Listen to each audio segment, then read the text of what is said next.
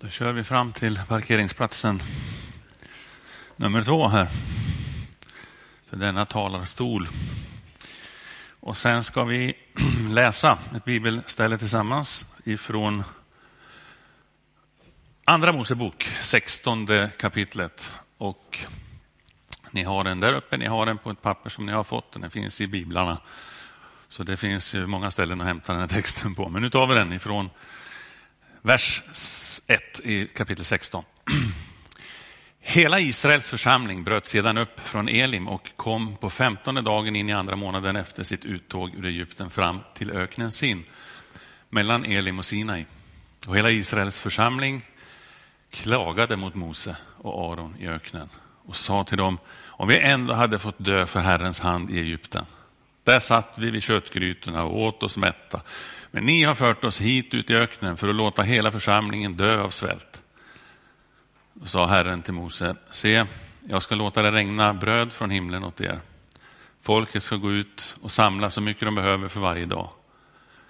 Så ska jag pröva dem, om de vill vandra efter min lag eller inte. För när de på sjätte dagen tillagar vad de, vad de har fört hem ska det vara dubbelt så mycket som de annars samlar varje dag. Israels resa, den, eh, ja, den var lång och den pågick i, i många år. Och nu pratar jag inte om en, en eh, charterresa här, utan jag pratar om en lång, lång vandring från Egypten och det slaveri som de levde i där och över till Kanans land eller till löfteslandet. Och det hände en massa saker under den där vandringen. Vi ser lite grann som vi läste nu, eh, när folket började klaga när de skulle ha mat och så vidare, så kan vi utläsa flera saker i det som händer med Israels folk som blir en form av varningstecken även för oss som lever tusentals år senare. Vad då? Vad menar du nu? Ja, det speglar på sätt och vis en kristens resa, en kristet liv, det de är med om här. Därför att det finns ups and downs i ett kristet liv. I vilket liv som helst finns det det. Även, även om du tror på Gud så gör det det. Det finns uppgångar och nedgångar, det finns motgångar och framgångar och så vidare. Och vad är det då som kan orsaka nedgångarna för oss? Vad finns det för, för olika saker vi, vi, vi kan ta varning för och tänka, men det här ska jag akta mig för. Ni vet, eh, nu, nu kommer jag att dra några sådana exempel på sånt som inte är bra för oss och då kan det ju låta som att nu står han framme och mästrar och ska tala om liksom hur vi ska leva våra liv. Alltså, vill du ha den attityden när du lyssnar, så okej, okay, det väljer du själv. Men det är inte det det handlar om för min del alls. Det handlar snarare om ungefär det man gör i en, i en eh, resehandbok när man varnar för turistfällor. När man säger liksom att åk inte till just det här stället. Du kommer att vara frestad att göra det, du kommer att vilja och vara lite sugen på det, men du kommer bara ångra dig efteråt. Du har förstört en halv dag. Där. det är säkert en eller annan av er som sitter här som har åkt in i olika turistfällor på ställen som man faktiskt ångrar. Och då är det bättre att få lite funderingar innan och varningar innan och varningstecken. Gå inte dit, gör det här istället. Det är bara bättre för dig själv. Det är den nivån på det vi pratar om idag. Okej, okay, vad säger vi först då? Vi lär oss någonting. Här ser vi först kartan på hur de gick. Eh, det är ju så att om vi tittar längst upp efter kustkanten där uppe där det står Mediterranean Sea, Medelhavet, så är ju vägen egentligen, de börjar ju där uppe där det står Lower Egypt, ungefär där, lite ner till höger, där börjar resan som ni ser, det röda strecket. Och sen eh, skulle de ha kunnat gått då rent tekniskt sett efter kustkanten där dit upp och det hade tagit, enligt forskare så säger de att det tagit ungefär två veckor att gå dit de skulle om de hade bara gått rakt på. Och nu tog det 40 år. De gick en helt annan väg. De eh, gjorde en hel, sak, en hel del saker i, i vilsenhet, men de lärde sig också en massa under de här åren och Gud hade också en hel del att lära dem under den långa perioden. Ni ser hur de gick dit ner, det är en cirkel där uppe också, där de gick upp en hel väg i onödan och tillbaka ner påminner lite grann om hur man själv har gjort någon gång när man har varit utan karta och GPS och annat. Sånt händer. Det känns lite som att det skulle kunna säga kallfronten där till vänster är på väg ut västerut. Det börjar kännas lite så när man har en karta så där uppe och står här framme. Men åter till dig Sara. Eh, vi gör så här, vi går vidare och så tittar vi. Vad vill vi se? Ja, vi vill se beställda resultat och vi vill inte vänta. Nej, vi vill att det ska hända nu. Och därför så står vi till och med så där och väntar. Eh, det här eh, är någonting som kännetecknar oss i vår västvärld idag. Brådska, det ska gå fort. Det här måste hända nu. Vi ringer, vi hamnar i en telefonkö. Jag gjorde det nu i veckan som gick. Jag hamnade på plats 499. Sen kom det en liten tröstande mening som sa att det finns ungefär 240 som hanterar det här. Oj, tänkte jag, vad bra, då är det bara som att jag är tvåa. Men det skulle ändå ta 20 minuter, sa de. Alltså sånt där är vi vana att, att lyssna på lite nu och då, mer än vad det var förr. Och då kan man ju undra om det går så sakta där, varför är det så? Hur kan man liksom, är det inte så att alla vill att det ska gå fort? Jo, men det här är ju ett bra trick för dem också, åtminstone de som gör affärer på det här, som inte vill ha några klagomål som ringer in. Då drar de nytta av att vi är stressade och därmed ger upp och lägger på och struntar i att klaga och så betalar vi våra grejer och så okej, okay, vi orkar inte driva. Så tjänar de på det. Det är bra för dem. Men varför ska allt gå så fort? Kulturen för oss är ju sån. Den triggar snabbhet. Datorer ska gå snabbare hela tiden. Nya bilar ska gå fortare. Vi har inte en chans att använda de farter som bilarna går egentligen någonstans på någon väg i det här landet. Men ändå, fortare helst. Pengarna ska överföras. Det finns det banker som ibland ska in och sno de här i några dagar så här så det tar lite längre tid och så blir man arg för att nu tar det två dagar till innan det överförs. De vill ha ränta och det är andra som vill tjäna på det. Det är så mycket sånt här som stressar oss. Du går och handlar på affären och när du kommer fram till kassorna, vad gör du då? Är det inte så att när du kommer nära kassorna och ska börja betala så börjar du scanna av liksom, vilken kö ska jag ställa mig i? Varför? Varför den ska, jag vill gå till den som går fortast naturligtvis. Jag är mest bråttom. Och så, kanske, på en del ställen finns det sådana här max 10 eller max 15 varor eller något sånt. Sådana här snabba kassor. Liksom. Och jag måste faktiskt erkänna att det har hänt mig också att jag har ställt mig bredvid så här och kollat. Är det där verkligen 15 varor? 1, 2, 3, 4, 5, 6.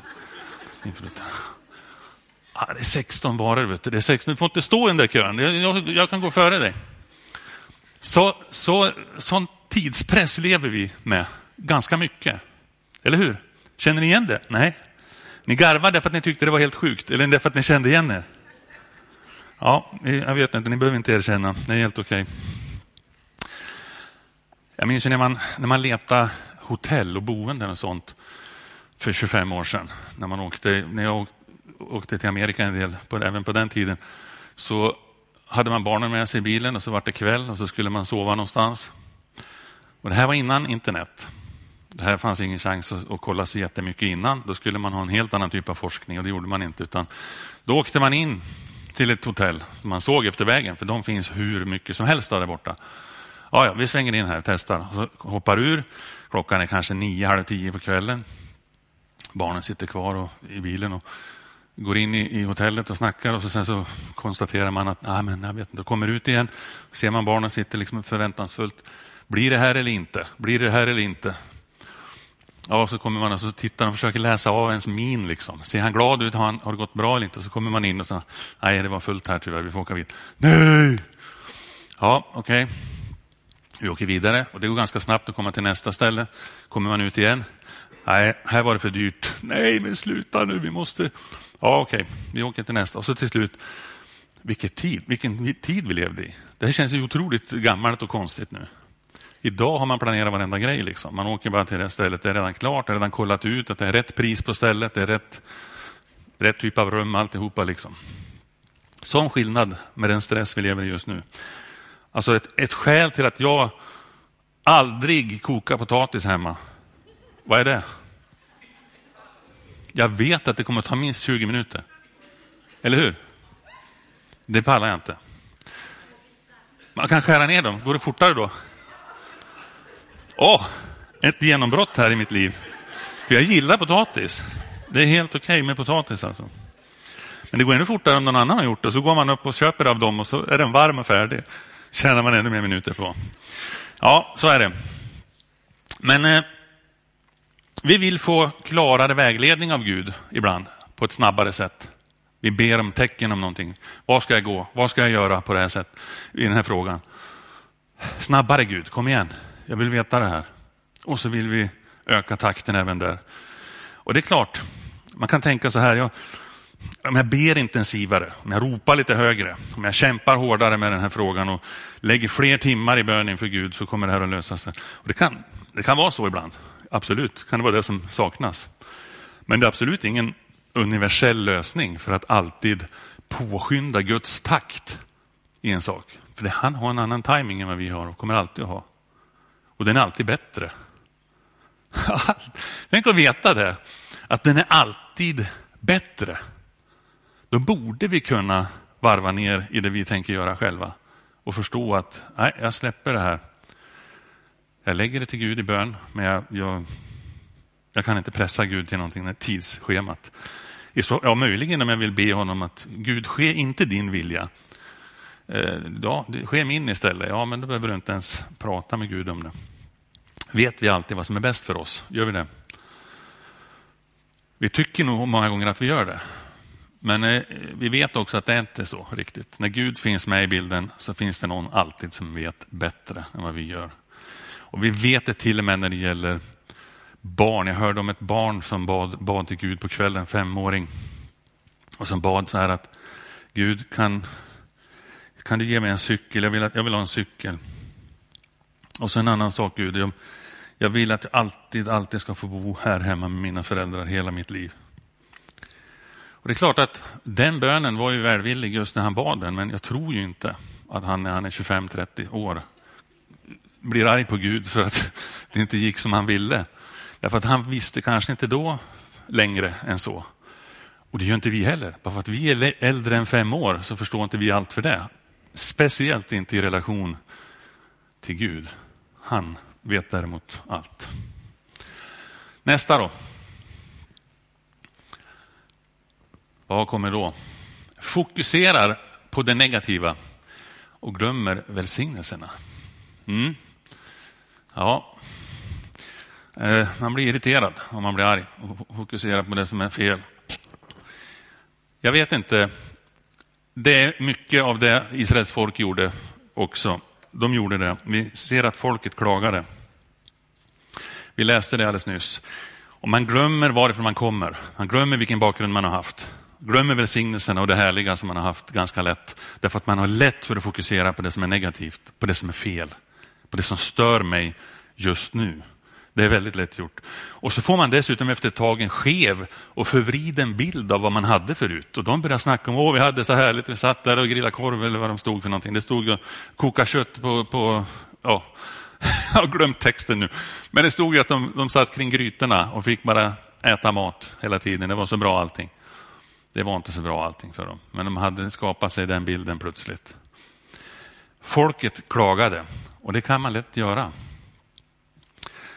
Man kan klaga, jag kan tänka mig att de klagade. Jag är hungrig, jag vill äta. Vi har för dåliga ledare på det här stället. Vad gör ni för någonting? Vi hade det bättre förr, en klassiker. Sen finns det sådana här klagomål. Alldeles för mycket lovsång. Nej, det är på tok för lite lovsång. Sådana här grejer hör vi också. Det är olika grejer som kanske inte var så mycket hos dem, men mer idag. Fredrik Wilén, var sitter du? Där. Kan inte du ställa dig upp och så, och så ropar du lite klagomål här får vi höra hur jobbigt det känns. Ta dem där. Ja.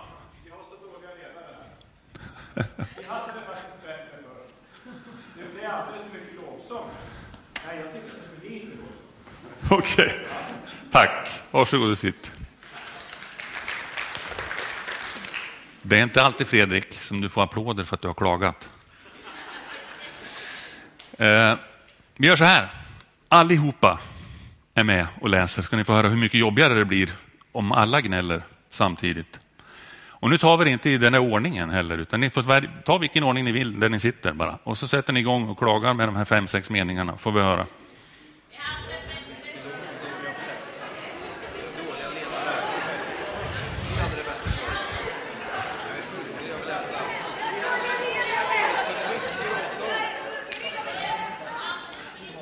Det räcker, det räcker, det räcker, det räcker. räcker. Vilka gnällspikar som sitter i den här gudstjänsten. Nej, men fattar ni att det inte är helt jättelätt att hantera när det dräller in klagomål eller åsikter som inte alltid läggs fram riktigt med det här goda hjärtat att nu vill vi göra allting bättre. För det måste ju få finnas åsikter. Det måste ju få finnas kommentarer till ledare och, ledarskap och så. Hela tiden måste det få vara öppet för det. Givetvis. Men hur, hur läggs de fram och på vilket sätt engagerar man sig i att klaga och gnälla och vilja ha sin vilja igenom? Och vilken bild har man av verkligheten?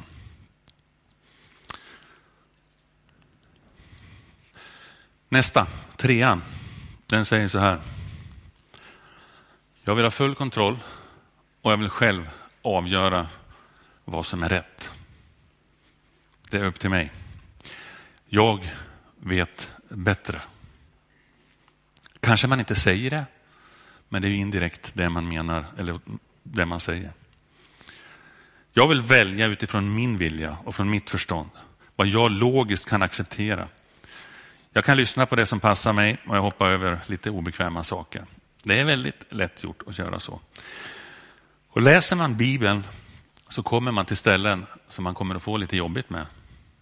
Det, jag kan inte tänka mig annat. Jag kan inte tänka mig någon människa som har läst igenom hela Bibeln och bara stött och jublat över välsignelser och allting. För det finns massa jobbiga saker att läsa om även där. Även sen när vi kommer till, till Nya Testamentet om så här behöver vi tänka, det här är bra för oss. Så kan man ibland känna, men det tycker inte jag riktigt. Guds information, den är alltid exakt. Den är alltid perfekt. Så att väljer vi bort delar som Gud har sagt, då har vi automatiskt byggt in en krasch i, hela, i resultatet för det vi förväntar oss. I alla fall för det Gud har planerat och tänkt för oss. Vi kan inte liksom ta bort bara vissa delar, men det där, det där låter bra, för det, där, det har Gud sagt. Rätt för det så är det en liten mening i det Gud har sagt som är väldigt viktig och det vet han. Men jag väljer bort den. Ja, sänkte hela paketet. Pang, sa det bara. Och sen är det borta. Så undrar man varför händer inte mer av det här? Varför gör jag inte? Varför? Ja, fråga är om jag har lytt och gått igenom det Gud har sagt rakt av. Vi såg om det här med insamlingen av manna och vaktlar. Det här, han sa att det skulle regna mat i öknen. Det var så där också. Redan där så de, en del samlade in lite fel mot vad de hade blivit tillsagd. Det stod där, va? pröva, jag ska pröva dem och se hur de följer mina lagar här. Samla på det här sättet, men när ni kommer till lördagen eller till söndagen, eller fredagen blir det väl, så då tar ni dubbel ranson och så har ni att leva på dagen efter. Och en del försökte ta för mycket och höll på. Ja, och då funkar det inte för dem. Det kom in maskar i maten och sånt. Sen följde de exakt vad han sa och då var det också ett dygn förskjutning på att de skulle äta upp det hela som de hade tagit för mycket. Men det var ju för att han hade sagt att då kunde de ta för mycket. Då var det inga maskar och inga problem. Nej, därför att de lydde exakt då vad Gud hade sagt. Och då blev det rätt. Då funkar det. Det är så mycket sådana här saker som finns i Bibeln. Inför påsken som vi är nu så, så vet vi att det är onsdag, torsdag någonstans, är det väl lite skärtorsdagstexter omkring när de skickar in en, när, när de säger till lärjungarna att gå och hämta, gå in till stan där och så följer ni en man som bär på en vattenkruka. Och så följer ni vart han går och där han går in, där ska ni också gå in. Det är sådana här exakta beskrivningar som Gud kommer med. Gör så här exakt. Hade de gjort ett enda fel där, de hade följt en annan person än den där mannen, eller följt en kvinna med en kruka eller något, då hade de hamnat fel. Fattar ni vad jag menar? Det, det är liksom, egentligen är det inte så svårt. Utan står det så här, så menar han så. Säger han så, så menar han så. När Filippus gick ner till vägen mellan Gaza och den här öde vägen som han skulle gå ner till för att träffa den etiopiske hovmannen i Filippos, i, i Apostlagärningarna 8 här tror jag. Exakta beskrivningar igen. Gör så här, gå dit, gör det här. Ett litet avsteg, ja, det kommer inte att funka. Då, då går hela grejen åt skogen. Doppa dig sju gånger fick ju han i kungaboken, vad heter han, Naman fick ju uppmaningen. Du ska bli fri från spetälska, men då måste du doppa dig sju gånger här. Och han bara blev frustrerad. Vad är det frågan om? Alltså, jag tänkte att jag skulle bara liksom räcka ut handen så här och så skulle jag bli frisk. Vad ska jag gå och doppa mig i floden? Jag kan väl doppa mig i något annat vatten hemma i så fall. Blev liksom oppositionell så här och menade att dumma grejer. Och så är det någon som säger till honom, men vänta lite nu, har, tänk efter, vem är det som har sagt det här? Om du hade fått en mycket svårare uppdrag, hade du inte gjort det då kanske? Nu tycker du att det här var lite fjantigt bara. Och till slut gick han och gjorde exakt som de sa och han blev ren. det funkar. Varför ska han doppa sig sju gånger? Men sådana här grejer kommer från Gud ibland som vi bara undrar, varför. kan du doppa mig två gånger. Vad är skillnaden liksom? Ja, jag vet inte. Men har han sagt det så har han menat det. Gör jag som han har sagt, då kommer det att funka. Där är logiken bara. För mig skulle ju liksom ett, ett långkok för mig, det skulle ju ta 25 minuter eller någonting. Skulle det bli ett långkok då? Nej, jag tror inte det. För att eh, då ska det vara flera timmar då. Någon dag ibland till och med, har jag hört. Eh, aldrig provat. Men eh, det är för att experterna talar om för mig i så fall att du måste hålla på så här många timmar. Jag kan ju strunta i det, men det kommer inte att bli vad det skulle bli. Jag struntar helt enkelt i instruktionerna. Och det är klart att det är allvarligare än någonsin när jag struntar i instruktionerna från Gud. Det är de dummaste, besluten jag kan ta, att strunta i sådana instruktioner. Vill jag att det ska bli snabbt eller vill jag att det ska bli rätt?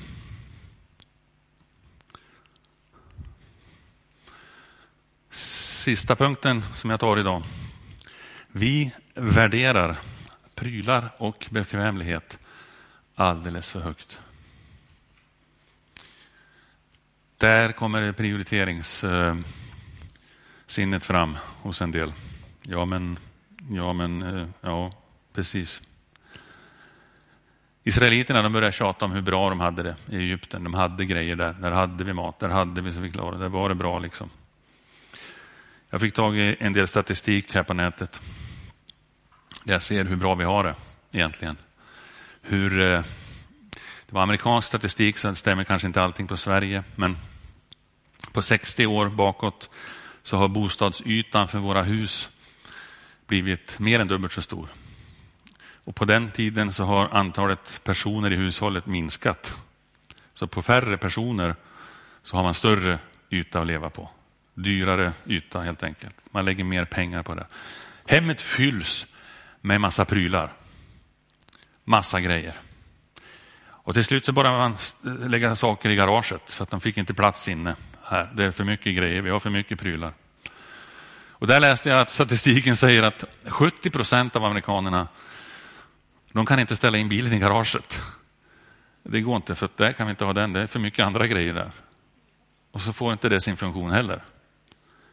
Konstig effekt. Vi vet inte hur vi tänker i sådana här gånger. Sen har du stora företag som, har, som hyr ut lagringsutrymmen. Så att när du inte får plats med grejerna hemma och när garaget börjar bli så fullt så kan du hyra utrymme hos någon annan. Där, där kan vi lagra lite mer grejer. Så kan du åka dit och hälsa på ibland. Hälsa på dina prylar. Hej! Härligt att jag investerade i dig för 15 år sedan. Eh, jag kanske inte har använt det så mycket, ursäkta, men, men jag har ju det i alla fall. Och så drar vi på oss grejer. Och det här vi drar på oss, det tar tid. Vi drömmer om saker, vi får tag i dem till slut, vi blir fixerade vid dem och så glömmer vi en massa annat. Vi ska vårda dem, vi måste uppgradera dem. Vi kanske lånar ut dem. Oh, hjälp, vi får inte tillbaka dem. Eller så får vi det. Men eh, det är mycket kring detta med prylar och detta med pengar. Mycket. Så vad ska jag vara nöjd med då? Hur hittar jag en gräns? Aldrig. Jag kommer aldrig hitta en gräns för det. Det enda som händer är att du ändrar, du vänjer dig vid en standard som du lever i. Och vilket håll du än går åt så kan du vänja dig vid standarden. Får du plötsligt ett lönekap, jag vet inte hur många av er som har varit med om att tappa halva lönen plötsligt för att ni bytt jobb eller någonting. Men eh, det går. Folk brukar klara sig. Vi har det så otroligt bra här ändå mot vad vi tror många gånger. I den statistiken ser man att vi, har du bostad, har du bil, har du en kyl som du har mat i, då tillhör du topp 5 procent i världen av att vara välbeställd. Tänker inte vi kanske, men så är det. Och har du en, en lön som handlar om någonstans kring 300 000 per år, då tillhör du topp 1 procent i intäkter. Otroligt. Vi kan inte säga att vi inte har det bra. Vi kan inte säga att vi lider nöd på något sätt. Finns de som gör det? Självklart, jag ska inte förbise det. Det, det gör det absolut, och på, framförallt på vår jord. Men inte om du är i den här situationen vi berättar, som jag drog nu. Men vi hänger fast och vill inte släppa vid prylarna. De går före. Någonstans så värderar vi prylar och pengar, framgång, bekvämlighet lite högre som gör att vi ibland tappar fokuset på Gud, på givaren. Vi ser prylarna istället för den som har gett oss dem, den som faktiskt ligger bakom dem. Och den där apan som sitter på bilden där, det är inte bara någon hejsan svejsan grej som jag hittar på, utan jag ska dra en sista berättelse bara som handlar om apor. Det stod i en artikel i National Geographic för ett tag sedan, där de skrev, ja för det är flera år sedan, de skrev om eh, tricket att skapa en fälla för en apa i Östafrika. Hemligheten. Och hur var det då? Hur gick det till? Jo, de åkte dit, forskare som skulle forska på de här arterna och även jägare som använde sig av den här metoden. Man åker dit, man kommer på plats och så ser man att det finns en massa kokosnötter att använda sig av.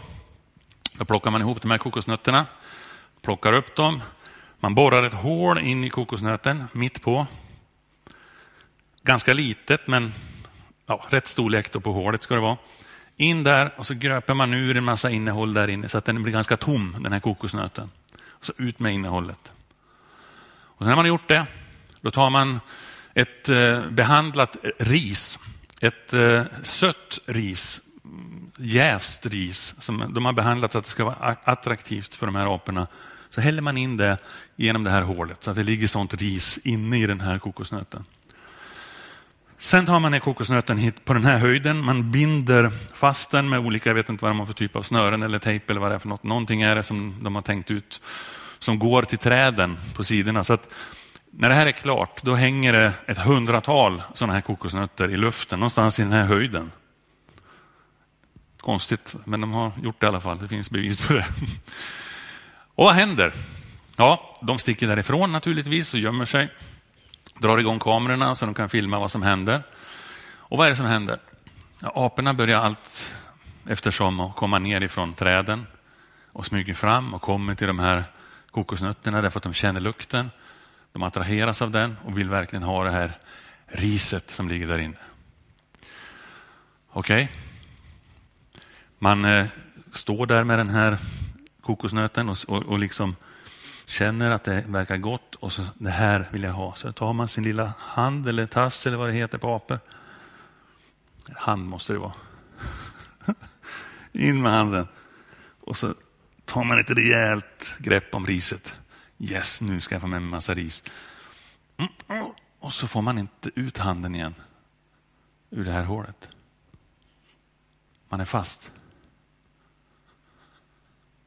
Det sorgliga med den här situationen, det är att hur länge du än väntar, apan släpper inte greppet om det här riset. Varför? Ja, han sitter ju i en fälla. Men varför? Han kan ju bara dra ut handen igen. Nej, jag släpper inte greppet om det här. Jag är så gott. Jag, är, jag vill inte. Och så fastnar man i fällan. Därför att man värderar riset högre än sin frihet. Är inte det en talande bild? För dig och mig att fundera över. Vad har vi för ris i våra liv? Vad är det jag inte vill släppa? Vad är det i mitt liv som jag faktiskt lägger för mycket på? Som gör att jag förlorar en del frihet, som gör att jag förlorar en del av min relation med Gud. Kanske hela min relation med Gud. Fundera över det. Amen. Tack Jesus. Att du har gett oss nåd och frid att få komma inför dig. Tack att den påskvecka som väntar, Herre, vittnar så tydligt om ditt offer på korset. Hur du har gett det, gjort det möjligt för oss att ha en relation med dig, att få komma fram inför nådens tron, att få gå igenom det som förut var förlåten som hängde i vägen för alltihop. Men vägen är öppen, vägen är fri. Tack Herre att du vill hjälpa oss att ta varning för det Israels folk gjorde. Och för det vi själva gör när vi så lätt vänder oss till andra saker än till dig. När vi så lätt här vill prioritera grejer som vill ta plats i våra liv hela tiden, som upptar fokuset, som upptar vår tid. När vi vet, Herre, att ingenting är bättre än relationen med dig. Herre, jag ber om din nåd över oss i alla de här frågorna, Herre. Amen.